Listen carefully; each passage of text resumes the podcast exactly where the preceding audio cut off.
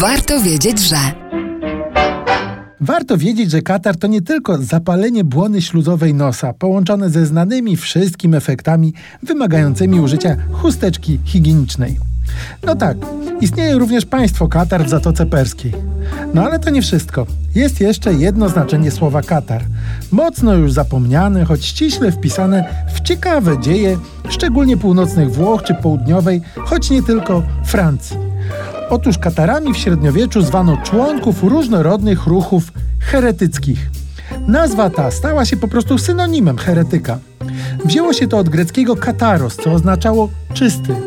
Nieprzypadkowe to było, bowiem z reguły Katarzy uważali siebie za chrześcijan czystszych, w sensie bardziej przywiązanych do podstaw wiary.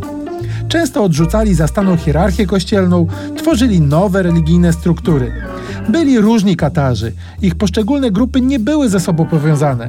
Byli więc Paulicjanie, Nowacjanie, Bogomilcy, Albigensi, Konkofrezjanie, Waldensi i wielu, wielu innych. Najbardziej znani stali się Albigensi.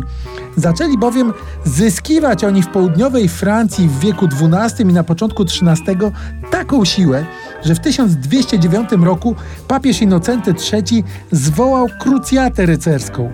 Jedyną w swoim rodzaju, bowiem skierowaną nie do odzyskiwania Jerozolimy czy królestw na Bliskim Wschodzie, ale do zbrojnego stłumienia tych, którzy sami siebie nazywali prawdziwym Kościołem Bożym.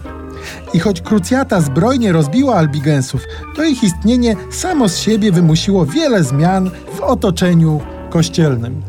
Tak więc nierówny Katar Katarowi i proszę go nie mylić z Katarem.